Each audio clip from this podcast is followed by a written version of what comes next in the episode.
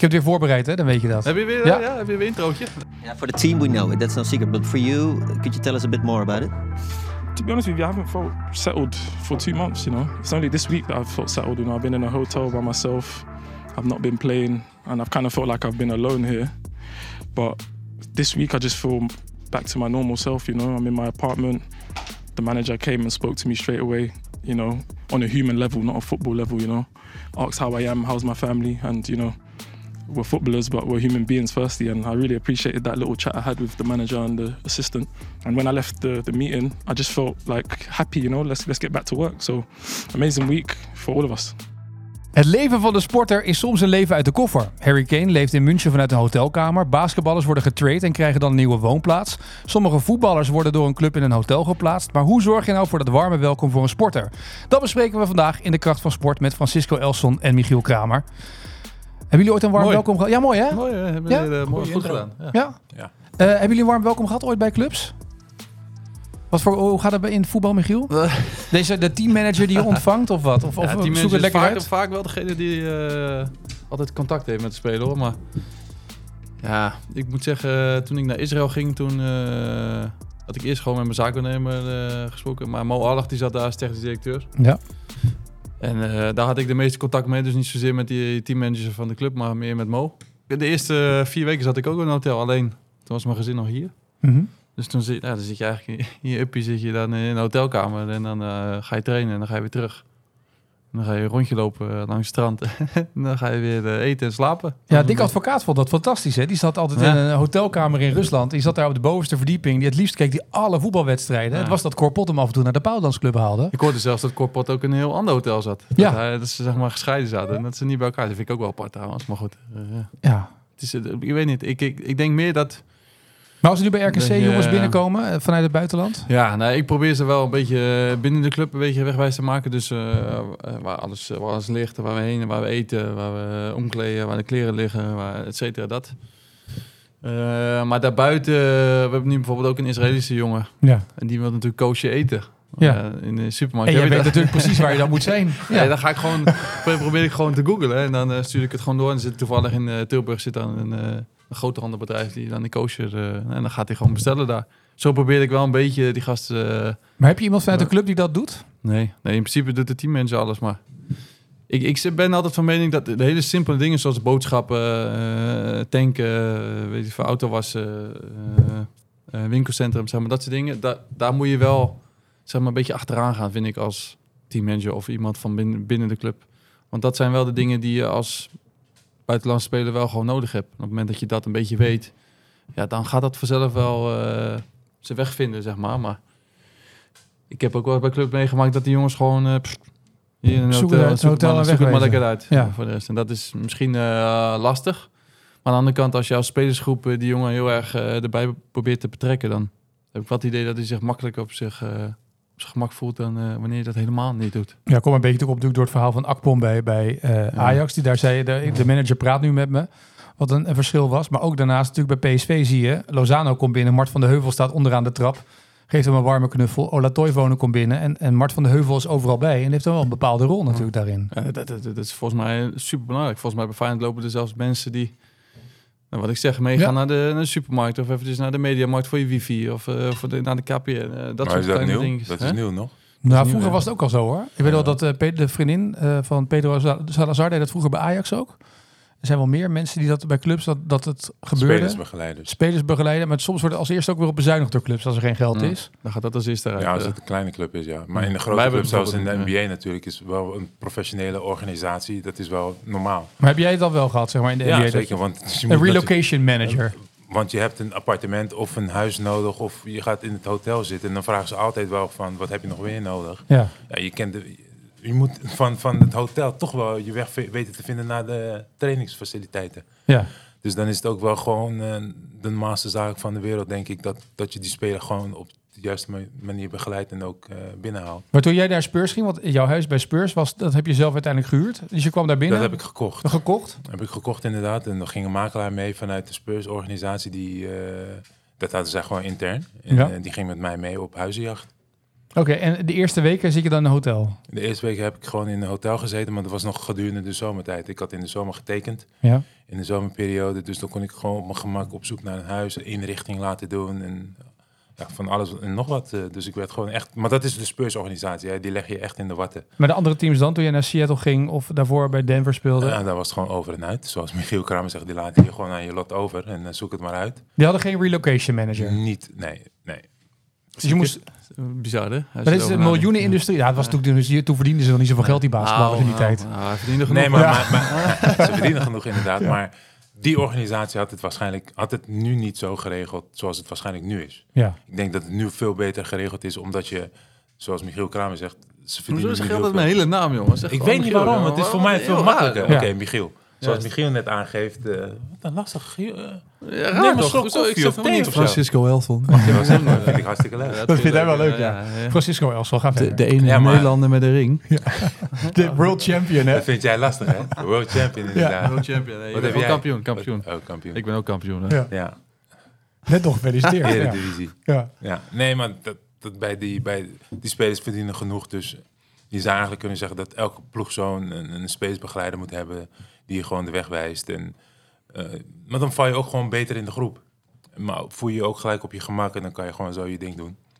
Maar dat gebeurt niet altijd. Nee. Ik denk vooral dat het, dat, dat het is, zeg maar, dat je als speler het gevoel hebt dat ze wel naar je omkijken als mens zijnde.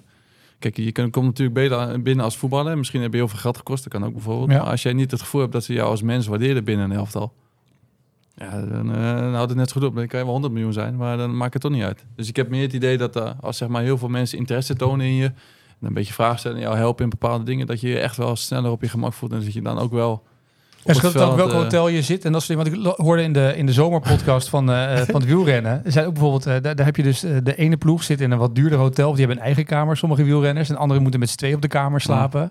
Ja, ja pff. Ik weet het niet. Bijvoorbeeld bij Feyenoord sliep ik ook altijd alleen op de kamer. Maar nu eh, met RKC, als we dan in een hotel zitten, is het altijd met z'n tweeën. Ja, de een vindt het prettiger om alleen te zitten en de ander eh, vindt... Weet je wat is? Je gaat altijd wel naar elkaar toe, toch? In zo'n hotel. Ja, Ja. Dan ga je even kaarten of je gaat even een spelletje Als je daar alleen En in je hotel zit, zeg maar. Dat je in ieder geval wel, eh, weet je, dat je bij Van der Valk aan de kant zit. Als je binnenkomt als nieuwe speler. Ja. aan de rand van de stad of weer in een hotel in de stad. Dat iemand nog wel de betrokkenheid heeft bij, Mm. bij de plek. Ja, ik zou altijd een beetje zorgen dat iemand eh, toch eventjes naar buiten kan lopen. En toch even, weet je, van naar het winkelcentrum kan gaan, wat je zelf zegt in de stad zit.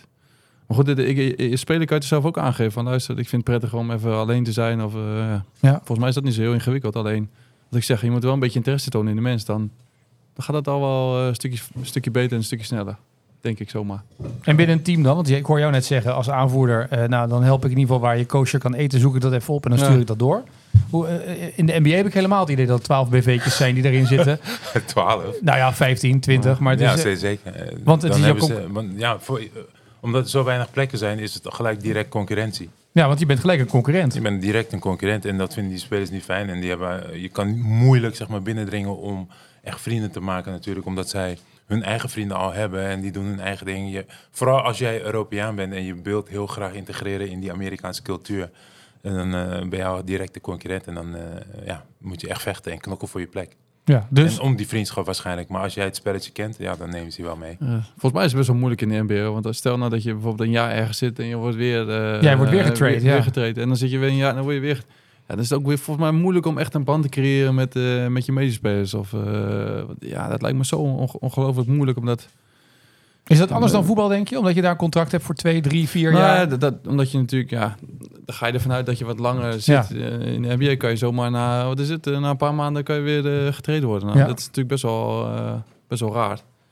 Dus wat dat betreft is het in het voetbal wel prettig als jij drie jaar contract of vier jaar contract tekent. Dat je zeker, ah, zeg twee, twee, misschien wel drie jaar bij die club zit. En dan is het ook makkelijker integreren zeg maar, in zo'n elftal dan als je om de twee of drie maanden ergens anders zit. Volgens mij, eh, pff, ik, zou, ik zou er niet heel vrolijk van Nee, je worden. bouwt een andere type vriend, vriendschap op. Hè. Is zakelijker toch? Het is Het meer is zakelijk, eh, want, want je komt elkaar tegen op het veld. En Ja. als die speler er niet meer is, dan heb je niet direct contact nog. Maar gewoon via de app of weet ik veel wat. Maar die vriendschap op den duur verwaart het gewoon. Omdat je, zoals Michiel net aangeeft, ja, je zit niet echt in het team. Je- Nee. Je, je komt, elk jaar komt er wel een nieuwe speler bij. Dus die, die vriendschappen die, die zijn echt met de spelers waarmee ze eh, die elkaar van vroeger kennen bijvoorbeeld. Als jij Die elkaar, zoals eh, eh, die jongens die samen op universiteit hebben gespeeld. Of, die, of die- uit dezelfde stad komen. Ja. Of, Maar anders is het niet echt een vriendschap hoor. Nee, maar nemen ze dan ook niet mee in, in teamuitjes en dat soort dingen als nieuweling? Er moet toch ergens ook Ja, wel toch, teambuilding wel zijn, toch? Ja, ja, dat is kijk, altijd, dat- toch? We hadden het net over kernwaarden natuurlijk en familie Ja. bijvoorbeeld. En de Spurs was, was wel zo'n hecht, hè? dat deed Popovic heel goed. Maar dat zit natuurlijk in het DNA van de Dat Spurs. zat in de DNA van de Spurs en die bracht het team altijd samen. Dus als we ergens naartoe gingen, dan zei Popovic altijd van, hey, doe dat samen. Dus dan hadden we de bus, de spelersbus, die, ging dan, die nam iedereen dan mee. Als we naar de disco gingen, dan zat iedereen in de bus. Of we gingen uit eten, dan zei Popovic, weet je wat, je had het net over Seattle. Hij had daar een goed restaurantje. Dan bleef iedereen, een nacht, bleven we met z'n allen een nacht, bleven we overnachten. En dan gingen we naar dat restaurant om daar te eten. Maar Was dat een beroemde vrouw met dat flesje wijn? Was dat daar? Ja, dat is daar. Leg er even toe voor de mensen die dat... eh, die kennen dat niet allemaal, hè? Het flesje wijn. Ja, toch dat, dat die wijn bestelde aan, aan tafel. Was dat eh, daar? Oh. Was dat, was dat eh, Nee, dat was m- met mij dan. Ja, hè? met jou, Nee, ja. dat was de Kobe Beef destijds. Het was Uh-huh. een stukje beef, maar we waren toen in Miami. we waren toen in Miami en Popovic zei van, we gaan naar 112. Restaurant Prime 112. ja. Ik dacht, nou, leuk. Ik ga voor het eerst mee. Dus eh, ik zag Kobe Beef. Ik dacht van, weet je wat? Laat me Kobe Beef. Ik dacht misschien... Ko- Kobe Bryant. Kobe Bryant te maken. Maar dat had helemaal niks met Kobe Bryant te maken. Maar een stuk vlees, een klein stukje, volgens mij was het 100 gram of kleiner dan 100 gram, was iets van 50 dollar of zo. Ja, dat is Japanse, Japanse bief. Ja, iets van 50 of 100 dollar. En ik had 12 stukjes besteld of zo. Maar het kwam in telkens in kleine stukjes. Dus ik dacht, ja, doe maar nog een stukje, doe maar nog een stukje. Hij kreeg die rekening. Moest je vertalen, En hè? hij zei, hoe de fuck ordert Kobe beef? En iedereen, Francisco dit. Dutch guy. En ik zo, what? Did you... Ja, hij, nou, hij zei, it's okay. ik dacht, wow! Hij was echt pissed. Op dat moment dacht ik, Oh, moet ik niet meer doen. Ben ik ook nooit meer op zo'n trip geweest. Maar, maar hij omarmt dat natuurlijk. En dat heb je wel nodig binnen een club, denk ik, als, als, als, je, als je spelers aanneemt. Dat je gewoon echt een hechte bank creëert. Waardoor je dus echt voor elkaar door het vuur kan gaan. Ja, dat is nodig. Dat denk ik wel. Als Ja. jij successen wil boeken. En hadden de, hadden de aanvoerders, want je had ook natuurlijk aanvoerders in een team zitten. eh, hadden die ook daar nog een rol in of niet? Want ik hoor net dat Kramer, zeg maar, eh, netjes eh, Nou, de, heel, de hele buurtafstrijd heel dag aan het googelen is voor al die teamgenoten. dat, is Zeker, misschien, dat is misschien zijn persoonlijkheid. Maar in de NBA, ik heb Tim Duncan gehad of eh Carmelo Anthony en andere spelers. Maar dat is misschien waarschijnlijk Mi- Michiel Die zoeken alleen de paaldansclub op en voor de rest... eh, Nee, dat aanvoerderschap in Amerika en in, in de NBA is totaal anders. Eh, daar moet je gewoon presteren. En ik ken geen ene aanvoerder. Nou ja, laat me dat niet zeggen. mhm. Ze doen het op een bepaalde manier, op hun eigen manier. Hij wilde wat zeggen, hè? Ja, het duurde heel lang Ja. voordat hij wat Ja, echt. Nee, ik moest wil erover je- nadenken over welke aanvoerder nou echt zoals Michiel eh, dat zou doen. Maar eigenlijk niet. Niemand. Nee? Nee. En hoe was dat dan? Hoe is het bij jou bij andere teams geweest dan? Waar neem je het? eh, jij doet dit uit jezelf. Ja, puur omdat ik eh, gewoon denk van, ja, dat, dat die spelers dat fijn zouden Maar vinden. zou Dirk Mensen, Kuyt ook zeg maar hebben opgezocht waar alle spelers kosher konden eten of niet? Eh, Ik kan me niet herinneren dat Nee. hij dat eh, gedaan heeft. Nee. nee, maar goed, ja. Weet je, iedereen doet op zijn, zijn haar manier. En, eh, ik, ik heb dat meer van natuur, omdat ik het idee heb dat, dat spelers dat fijn vinden, omdat ze dan wel een beetje hun eigen weg kunnen, kunnen inslaan. Maar Ja. ja. ik vind het altijd wel belangrijk, zeg maar, de, de mensen achter de voetballer, die, als, die, als, die, als die het naar zijn zin heeft, Mhm. dan, dan gaat dat voetballen vaak al, al automatisch. En, dus daar focus ik me een beetje op. En ik kan me eigenlijk niet echt herinneren qua aanvoerders wie dat Oké, deed. nou, jij kijkt heel graag naar de NBA. Zou LeBron dat doen? Jij bent de Nee, LeBron natuurlijk James niet. fan. Nee, natuurlijk niet. Zou dat? Ja, natuurlijk wel doet LeBron dat. Die neemt je mee naar de kapperszaak. Die deed je mee naar zijn huis. Die neemt je mee naar je huis. Ja, ja, ja. Dit de barbecue Zeker, ja. voor het hele team. Hij doet wel altijd toch die, die Halloween feestjes. Of wat is het ook weer? Die, eh die karaoke feestjes. Heb je dat wel eens gezien van hem of niet? Met zijn... Met zijn Met spelers, ja. Onderling. Met de vrouwen erbij. Dat, eh, gaan ze dat heb ik zingen. nog nooit gezien. Heb je nooit gezien? nee. Maar doe jij, ben jij van de team barbecue dan bij jou in de achtertuin? Nou, ik, ik, ik zeg altijd wel, zeg maar, aan het begin van het seizoen, dus zeg maar na de transferwindow, wanneer iedereen zeg maar gewoon eh, weet waar ze zit. Gewoon met een etentje met de vrouw, kinderen, eh, weet ik veel wat. Gewoon allemaal bij elkaar. Want dan heb je ook een beetje een idee van, oké, die hoort daar en die hoort daarbij. En dan kan je ook elkaar een beetje leren kennen. Als je een keer een wedstrijd hebt, dan eh, zie je, oké, die hoort bij die en die hoort bij die. Dan vind ik het al wat makkelijker dan, eh, dan, dan als je dat helemaal niet hebt. En volgens mij, ik heb bij Steve Kerr volgens mij ook een keer gezien dat hij, als ze een keer een trip hadden, dan heeft hij gezegd, neem je vrouw en kinderen allemaal mee. En eh, bij de bespreking, eh, bij eh, de training, bij... eh, Ja, maar dat is één keer in de zoveel tijd. Ja, dat, dat is zeg maar... Nou ja, het was Ja, Van. Gaal in 2014 was natuurlijk ook beroemd dat, dat hij zag dat de spanning heel hoog was bij de spelers bij de eerste wedstrijd tegen Spanje. En Ja. dat hij de dag daarvoor dus alle spelersvrouwen en alle eh, kinderen heeft uitgenodigd in het spelershotel. Waardoor er even iets van ontspanning was Mm. na die hele voorbereiding. Ja, En- kijk, in de NBA kan ik dat wel begrijpen, omdat deze spelers 42 wedstrijden van het hele jaar weg zijn. Mhm. Dus dan kan ik het begrijpen dat ze van tijd tot tijd wel de familie mee mogen nemen natuurlijk. Dat geeft hun ook wel een gevoel van, oké, ik hoor erbij. Ja, vind ik ook. Dat is, Dus ja. die creëren, Ja. zoals de voetballers ook een spelershome hebben, ook een, een home Ja. voor, de, voor, de, voor, de, voor de familie. En, en, en de taken zijn natuurlijk wel totaal anders in de NBA dan, dan in de voetbalwereld. Ja. Maar het gekke is natuurlijk wel, als je bij de NBA binnenkomt, je krijgt wel heel erg een gevoel van een familie. Toen bij Spurs ooit was eh, te filmen, je mag dan mee bij die wedstrijd. Je mag dan voor die wedstrijd kan je dan het eten. Nou ja, als je bij de Nederlandse eh, clubs gewend bent met voetbal, wat je daar aan eten krijgt, mag je blij zijn als er een broodje ligt. Of een broodje kroket bij Feyenoord na afloop. Oh, Nee, na afloop in de perskamer Oh, staan ze oké. onbekend. Stonden ze onbekend. Tegenwoordig is het anders, geloof ik. Maar ehm, bij de NBA kan je van tevoren ligt een heel buffet klaar. En elke dag is een ander buffet. Kan je mee eten. Er zit ook de staf komt daar eten. En dus het is een hele ander, heel Ik ander. moet zeggen, bij ons is dat nu ook hoor. Althans, bij RKC is het ook dat iedereen gewoon van kantoor en eh, dat die allemaal gewoon mee eten. Dus maar eten de journalisten ook mee bijvoorbeeld? Want dit was zeg maar, maar de, volgens mij de persruimte. eh, komt iedereen daar dan? Ja, voor de wedstrijd hebben Ja. ze natuurlijk die persruimte Ja. eh, en daar hebben ze ook allemaal dingen staan volgens mij om te eten en drinken. Maar niet in de ruimte waar wij zitten. Dat is ook wel een beetje logisch. Nee, precies. Dat is ook logisch. Nee, maar dus, de, de- dit was zeg maar dan de persruimte slash Mhm. de staf zit daar. Dat is een beetje zoals bij PSV op de hertgang. Als je binnenkomt dan op vrijdag als er perspraatje is, dan zetten ze altijd nog even het eten voor wat de se- selectie ook te eten heeft gekregen. Mhm. Dan krijg je een bordje eten en dan een gewoon, soort van eh, huiselijkheid, zeg maar. Ja, maar dat is toch alleen maar netjes Ja. dat de organisaties dat eh, voor die mensen klaarzet. Maar herkennen jullie iets van het verhaal van zo'n akpom die dan zegt ik zit op een hotelkamertje? Of is dat ook een beetje aan de speler Ja, zelf? ik denk ook meer dat dat gewoon voortkomt uit het feit dat hij nu dan ineens eh, een periode van die twee wedstrijden elkaar scoort. Ja. En dan ineens gaat zeggen van ja, de vorige trainer heeft niks tegen me gezegd of die hebben me niet geholpen. Ik zat alleen in een hotel. Ja, wat had je verwacht dan? Als je verwacht dat jij eh, vanuit Engeland eh, gelijk hierheen zou komen, dat er een villa voor je klaar stond, dat de kinderen, kinderen gelijk naar school konden, dat kan niet. Dat gaat niet. Ik denk dat het meer een sneer is naar de trainer dan echt zeg maar, het gevoel wat hij zelf heeft. Er zijn meerdere Goed, sneren eh, uitgedeeld dan, denk ik. Ja, maar dat vind ik altijd zo makkelijk op het moment dat de trainer weg is en het gaat ineens twee wedstrijden goed. Dat ze dan ineens de trainer de schuld geven van het feit van ja, nee, toen de andere trainer er was, toen heeft hij niet met me gesproken of toen, dat is onzin. Dan had je dat moeten zeggen toen hij er was. Als je dan zo'n grote mond hebt, oké, zeg dat dan tegen de trainer toen hij er was. Dat heb je ook niet gedaan. Dus dan moet je nu niet ineens in de media gaan zeggen, ja, nee, de aandacht heb ik nu ineens wel gekregen van de trainer. En eh, ja, praat met mij als mens. Ja, flikker toch op. Dat had je moeten doen toen eh Maurice Stijn er zat. Maar dat heb je het ook niet gedaan. Dus dan moet je nu ook gewoon lekker je mond houden. Oh, dat is wel heel, eh, heel duidelijk dit. Ja, Hij boos? Hij- nou, Nee, nee, ik, ben- ik kan er niet zo goed tegen dat spelers altijd dan een, zeg maar, een vertrekkende trainer dan achteraf nog een schop na gaan geven. Maar het is heel mensen eh, eigen. Heel veel mensen hebben natuurlijk ook in het dagelijks leven. Eh, gebeurt Ja, maar als jij de behoefte hebt, of als jij het idee hebt dat je je alleen voelt, ja. oké, dan ga dan naar de club en zeggen, ja, ik, eh, ik voel me alleen en eh, mijn familie is er nog niet en kunnen we misschien iets doen, kunnen ze misschien hierheen halen. Waarom doet hij dat dan niet? Ja. Waarom moet je dat in de media gaan roepen dan? Houd het lekker binnen de kamers dan. Nou ja, ik Maar vond bij de. NOS in de podcast riepen ze al eh, dat eh, John van Schip de nieuwe Ted Lasso is. eh. Daar is natuurlijk ook moe van dat soort dingen. Ja, ik kan er heel slecht tegen hoor, maar... Ja. Dat is misschien mijn, mijn eigen persoonlijkheid. Je zou dat never nooit doen, maar goed. eh, Nou ja, goed, misschien herken je het toch ook wel bij jullie in het team. Dat er mensen zijn die eh, wel een probleem hebben, maar dat niet hardop uitspreken. nou ja, ik heb wel het idee dat iedereen bij ons dezelfde aandacht krijgt. Dus zeg maar, als je met problemen loopt, dan weet ongetwijfeld de staf ook waar, waarmee je zit. Want volgens mij bij ons komt er bijna niks naar buiten over negativiteit richting... eh, of Jozef bijvoorbeeld, of over Henk nu. Ja. Of, eh, volgens mij nul. Nee. Omdat alles binnen de kamers blijft. Natuurlijk zijn er problemen. Natuurlijk zijn de jongens ontevreden omdat ze niet spelen. Of, wat, of ze voelen zich niet lekker. En dan kan je maar binnen de kamers over praten. Zelfs met de spelers kan je erover praten. Ja.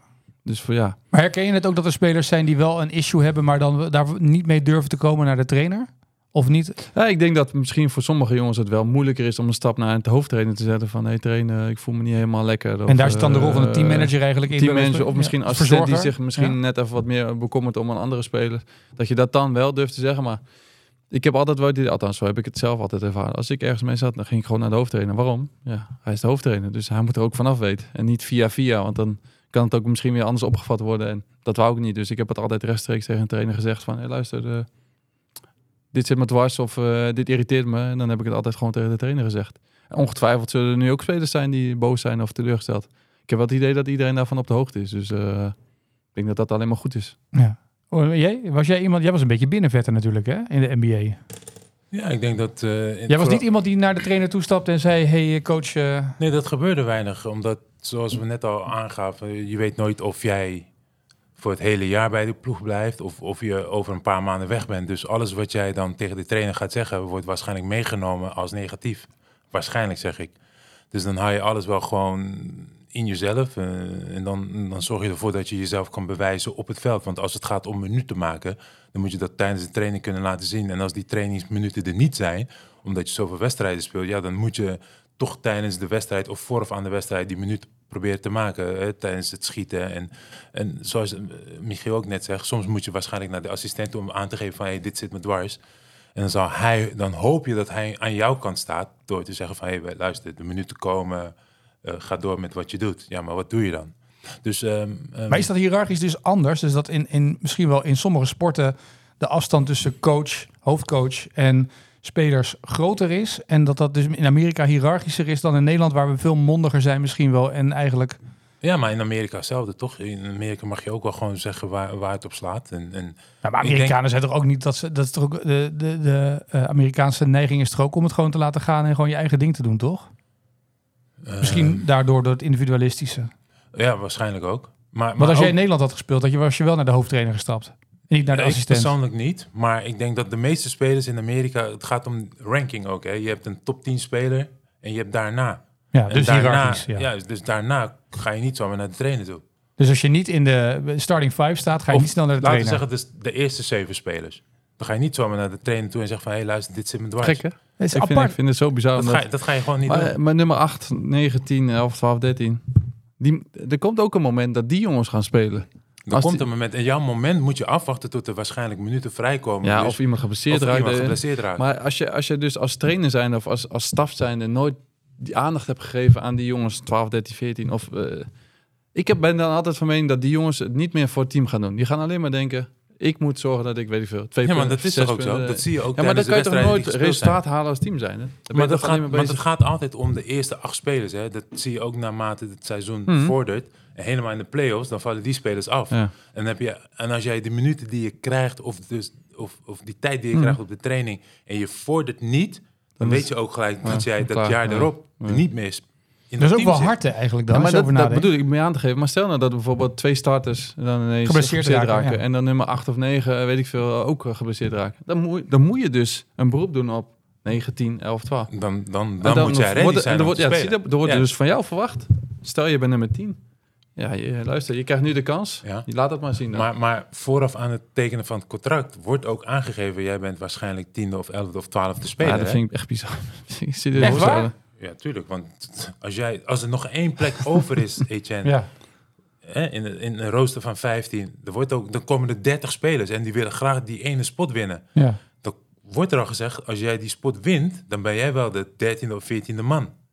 Dus dan speel je bijna nooit. Dat Alleen speel je of eigenlijk bijna eh, nooit. ja. Maar als jij dus... Dan Nou, het, moet is jij- wel dan duidelijk, moet het is jij- wel duidelijk. Het is dus, duidelijk, dus wat maar- deed ik, Etienne? Wat deed ik? Dat vertelde ik. Dat verhaal vertelde ik toch? Dat ik zeg maar laat s'avonds nog naar de, terug, naar, terug naar de Ja. gym ging om bij te trainen. Dat is wat jij moet doen. Jij Mhm. moet jezelf in de picture proberen te spelen door te laten zien dat je echt een professional bent. En dan snap, daarom, daarom zeg ik, ik snap niet waarom bepaalde spelers dan het gedrag niet hebben om professioneel te zijn. Dus dat jij Nou, maar dat heb jij nooit begrepen. Ik was, jij bent wel eens in kleedkamers geweest bij, bij betaald voetbalclubs. Waar jongens daar dan zitten die een hele mooie club hadden waar ze ooit begonnen. En langzamerhand afdaalden in de eredivisie tot in de KKD. Ja. Eh, waarbij je dan tegen een speler zegt, ja maar weet je, je, je kan jezelf zo goed vinden. Maar volgens mij gaat het om het harde werken en dat je daarmee begint. En dat je jezelf... Jij kan er niet tegen als mensen alleen maar op talent gaan. Ja, bijvoorbeeld. Het, gaat toch om... Wat jij ook een beetje hebt, Kramer. Hè? Ja, het, gaat, het gaat om het Alleen totale plaatje altijd bij mij, denk ik. Ja. Zoveel mogelijk eruit halen waar jij voor lief hebt. En als, dat, als dit jouw sport is, doe er dan ook alles voor, zou ik zeggen. Jij zou heel goed met Tadic kunnen spelen, denk ik. Tadic wilde ook altijd door naar de training bij Ajax. Ja, hele het- bij mij ging het altijd om winnen. En zoveel mogelijk. Ja. Want dan, dan heb je het meeste plezier, denk ik. Je hebt geen plezier als je constant verliest. En als je op elkaar loopt te K. Ja. Dat, dat denk ik niet. Dat denk, dat, Nee, dat, nee, is zeker, zeker waar, ja. Maar daar, ja, zit, daar zit natuurlijk ook weer een beetje wat, wat eh, waar we net over hadden met de hele selectie meenemen. Roger Schmid was natuurlijk de, een van de eerste trainers die heel snel jongens eh, veel minuten liet maken en veel wisselde. Dat iedereen zei, ja, waarom doet hij dat nou? Aan het einde van de competitie had hij iedereen erbij. En als dan iemand geblesseerd was, had hij wel gasten die allemaal gelijk wedstrijd fit waren.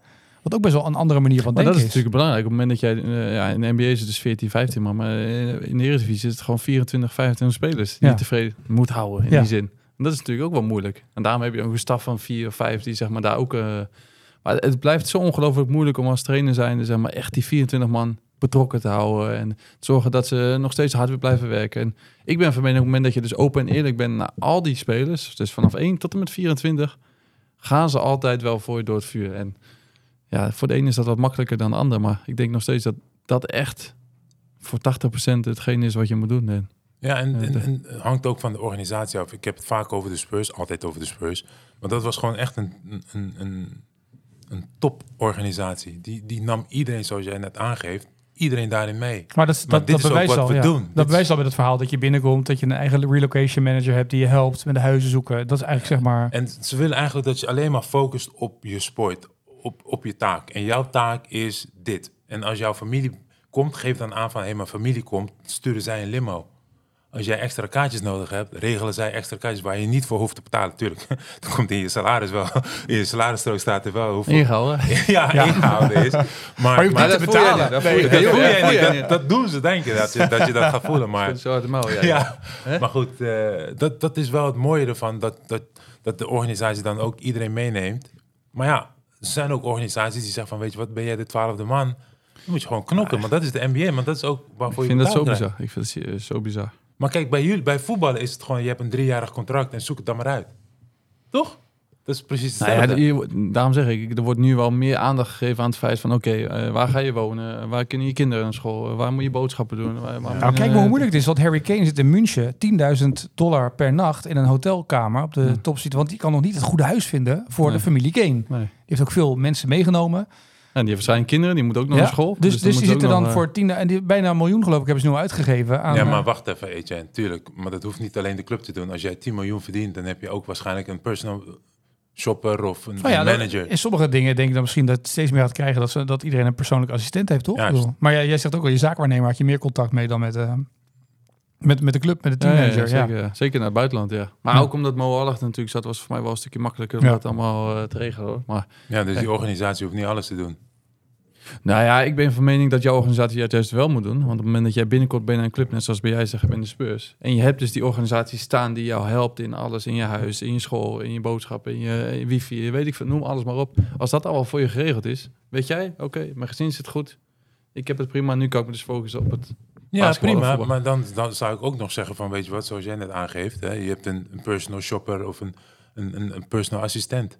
Als, je dat, als je dat kan betalen. Als je dat kan betalen. Ja, maar dan- negen dan van de regelt tien keer die- bijvoorbeeld Harry altijd- kan het prima Ja, regelen. maar een club heeft toch ook altijd eh, makelaars in dienst die Ja, eh, ja, voor tuurlijk. huizen gaan zorgen. Dus wat dat betreft, ik denk altijd dat een club daar verantwoordelijk voor is. Want het goede gevoel van de speler, die komt voort uit het feit... eh, Kan ik hier bij de club, voel ik me thuis. Zo, ja. Je zit daar elke dag als je ja, werkt. natuurlijk, ja. En, eh, maar ik vind wel heel veel- hoe lang? Hoe lang zit hij er nou al?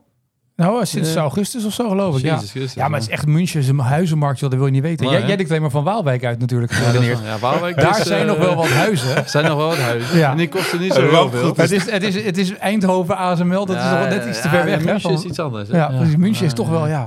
Ja, en je, weet, je, kent, je kent de eisen niet van Harry Kane, hè? Nee, en Harry Kane is er ook achtergekomen dat ze in Duitsland slechter Engels praten. Toen hij eh, ineens in het Engels, eh toen de Wat? scheidsrechter in het Duits ineens ging praten, dat hij zei... in de eerste wedstrijd, ja, je moet toch eventjes een beetje... hè? Maar goed, op het veld gaat het volgens mij wel aardig met hem. Op het veld gaat het uitermate aardig wat hij daaraan Zo, doen is. Dus hij heeft die stress niet. Nee, dus dat betekent toch dat, het dus, dat hij zich thuis voelt en goed voelt binnen de organisatie, toch? En toch ga je de grote organisatie. Ik denk dat goeie ook. Volgens Ja. Een mij. ploeg dat gewoon draait. En ja, je ziet ook dat ze halen elk jaar wel nieuwe spelers. Dus Ja.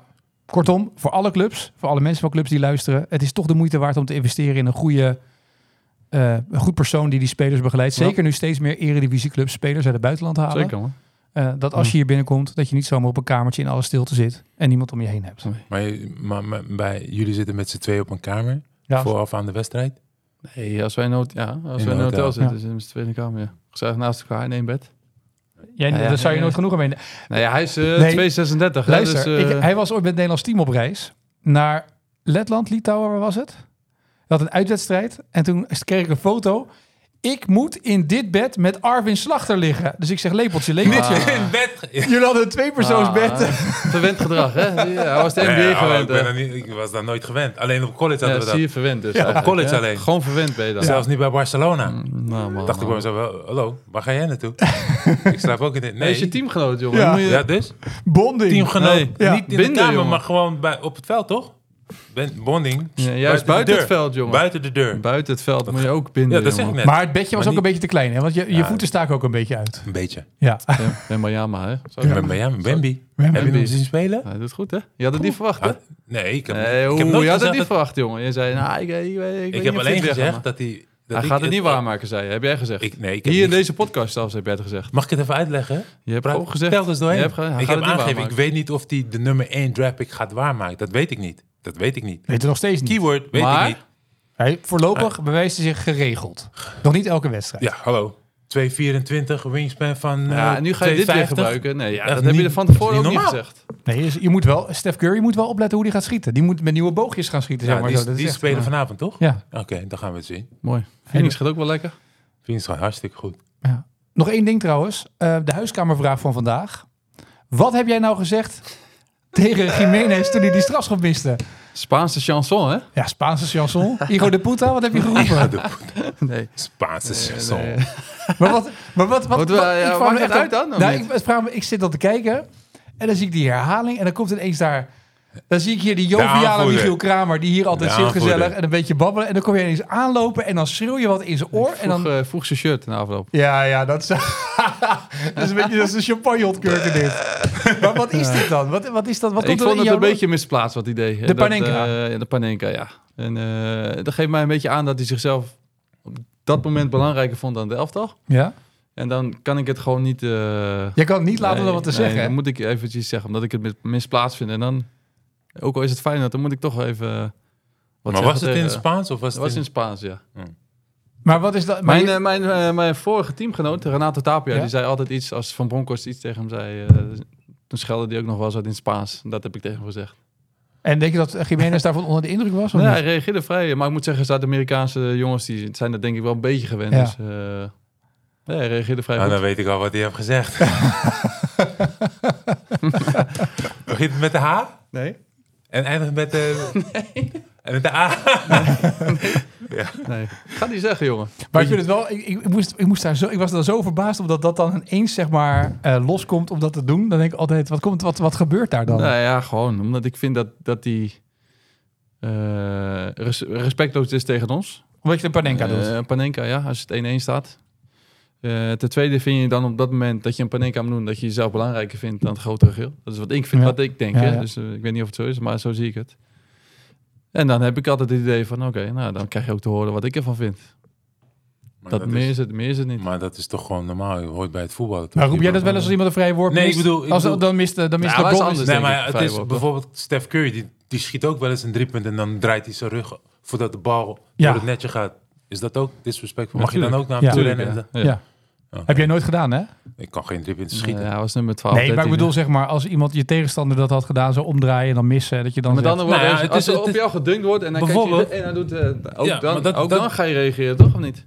Ja, oké. Nee, hoeft ook- niet. Nee, helemaal niet. Nee, jij niet. Jij doet zo, hey, nee, top man. Nee, tuurlijk nog niet. keer Op dat moment ben ik bezig met de wedstrijd en dan neem ik de bal uit of ik ren weg. scheid toch uit, jongen. Dat zie je toch ook heel vaak? Het gebeurt wel eens. Het Ja, gebeurt. toch op, jongen. Het gebeurt. Nee, het gebeurt niet. jongen. Ik snap niet waarom jij zo ineens. Ja, ik snap niet waarom je zo, zo geïrriteerd bent omdat een speler een panenka neemt. Ik snap dat niet. Ja, ik wel.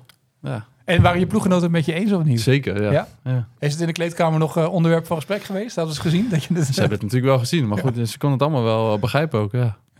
Nee, Ik wist helemaal niet dat Panenka zo'n, Ik eh, bedoel, ik- je verliest met 2-1. ja, dan gaat het er niet op. Ik wist helemaal niet dat een Panenka dat dat, zo, dat, dat in het veld wordt gezien als zo... eh, Respectloos, Ja. ja. ja. ze- dat ja. wist ik helemaal niet. Je moet voor de gein is eh, bij een keeper op de training Ja? ook eh Panenka doen. Moet je eens naar de keeper kijken als die erin gaat. Oh, dan worden ze helemaal gek. Ja, serieus. Echt joh? Ja, ze vinden het echt respectloos. Ja. Ik vind het ook verne- het is respectloos. vernederend. Ja. Nee, maar dat, dat is toch met basketballen. Wat is dan vernederend bij het basketballen? Ja, dunken over Dunk iemand op heen. iemand. Ja. Oké, nou, Ja. dat is het Of spel. dat iemand eh, springt en eh, zijn hand pakt en je hoofd zo naar je kruis duwt. Is dat respectloos? Ja, maar wie doet dat? Blake Griffin heb ik dat meerdere malen zien doen, hoor. Ja, maar dat is puur om af te zetten. Ja, ja, ja. Je hoofd naar je kruis duwen. Ja, nee, dat, dat, doet dat niet kan nog ineens. Als je beide springt, dat kan ja, toch niet? Ja, ga maar even Wat, googlen. wat zegt deze gast allemaal, Etienne? Even serieus, denk even na, Etienne. Jij, bent, jij kijkt ook heel vaak naar het basketbal. Als iemand op je kop dunkt, dan pak je toch niet... Het is moeilijk om... Heb jij betaald gekregen bij de NBA om positief te praten over de sport? ik denk het wel, ja. Je bent toch al lang weg Wat is dit nou weer? Wat is dit nou weer? Word ik aangevallen op dit moment of zo? ik leg alleen uit dat, dit hoort bij de sport. Als iemand Ja, een panenka ja. neemt Nou, of... dan hoort dit er ook bij, toch? Wat? Een reactie hoort er ook bij. Nee, dat, wat jij doet niet. Ik had jou een rode kaart Maar ik vind het wel een mooi thema voor de volgende keer. Want, wat, want we hebben nu die Panenka. Wat is dan eh, eh, wat is respectloos in sport? En wat, eh, om dat als volgende thema een keer te hebben. Kunnen we kijken Nou ja, wat... eh, blijkbaar in de NBA helemaal niks. nee, dus kijken of Nee, er nog wat dingen kan bedenken. Heilige wereld, de NBA. Er gebeurt nooit wat. Nee, dus kunnen we kijken wat daarin zit. Goed, Ik heb hier gewoon geen antwoord op. heel goed. Dat lijkt me ook het. Niet normaal. Eh, wij zijn er over twee weken weer met een gloednieuwe kracht van sport. Michiel Kramer, Francisco Elson. Tot de volgende. En een beetje respectvol nu de deur Oh uitgaan. ja, hè? ja, is goed. Kijk maar.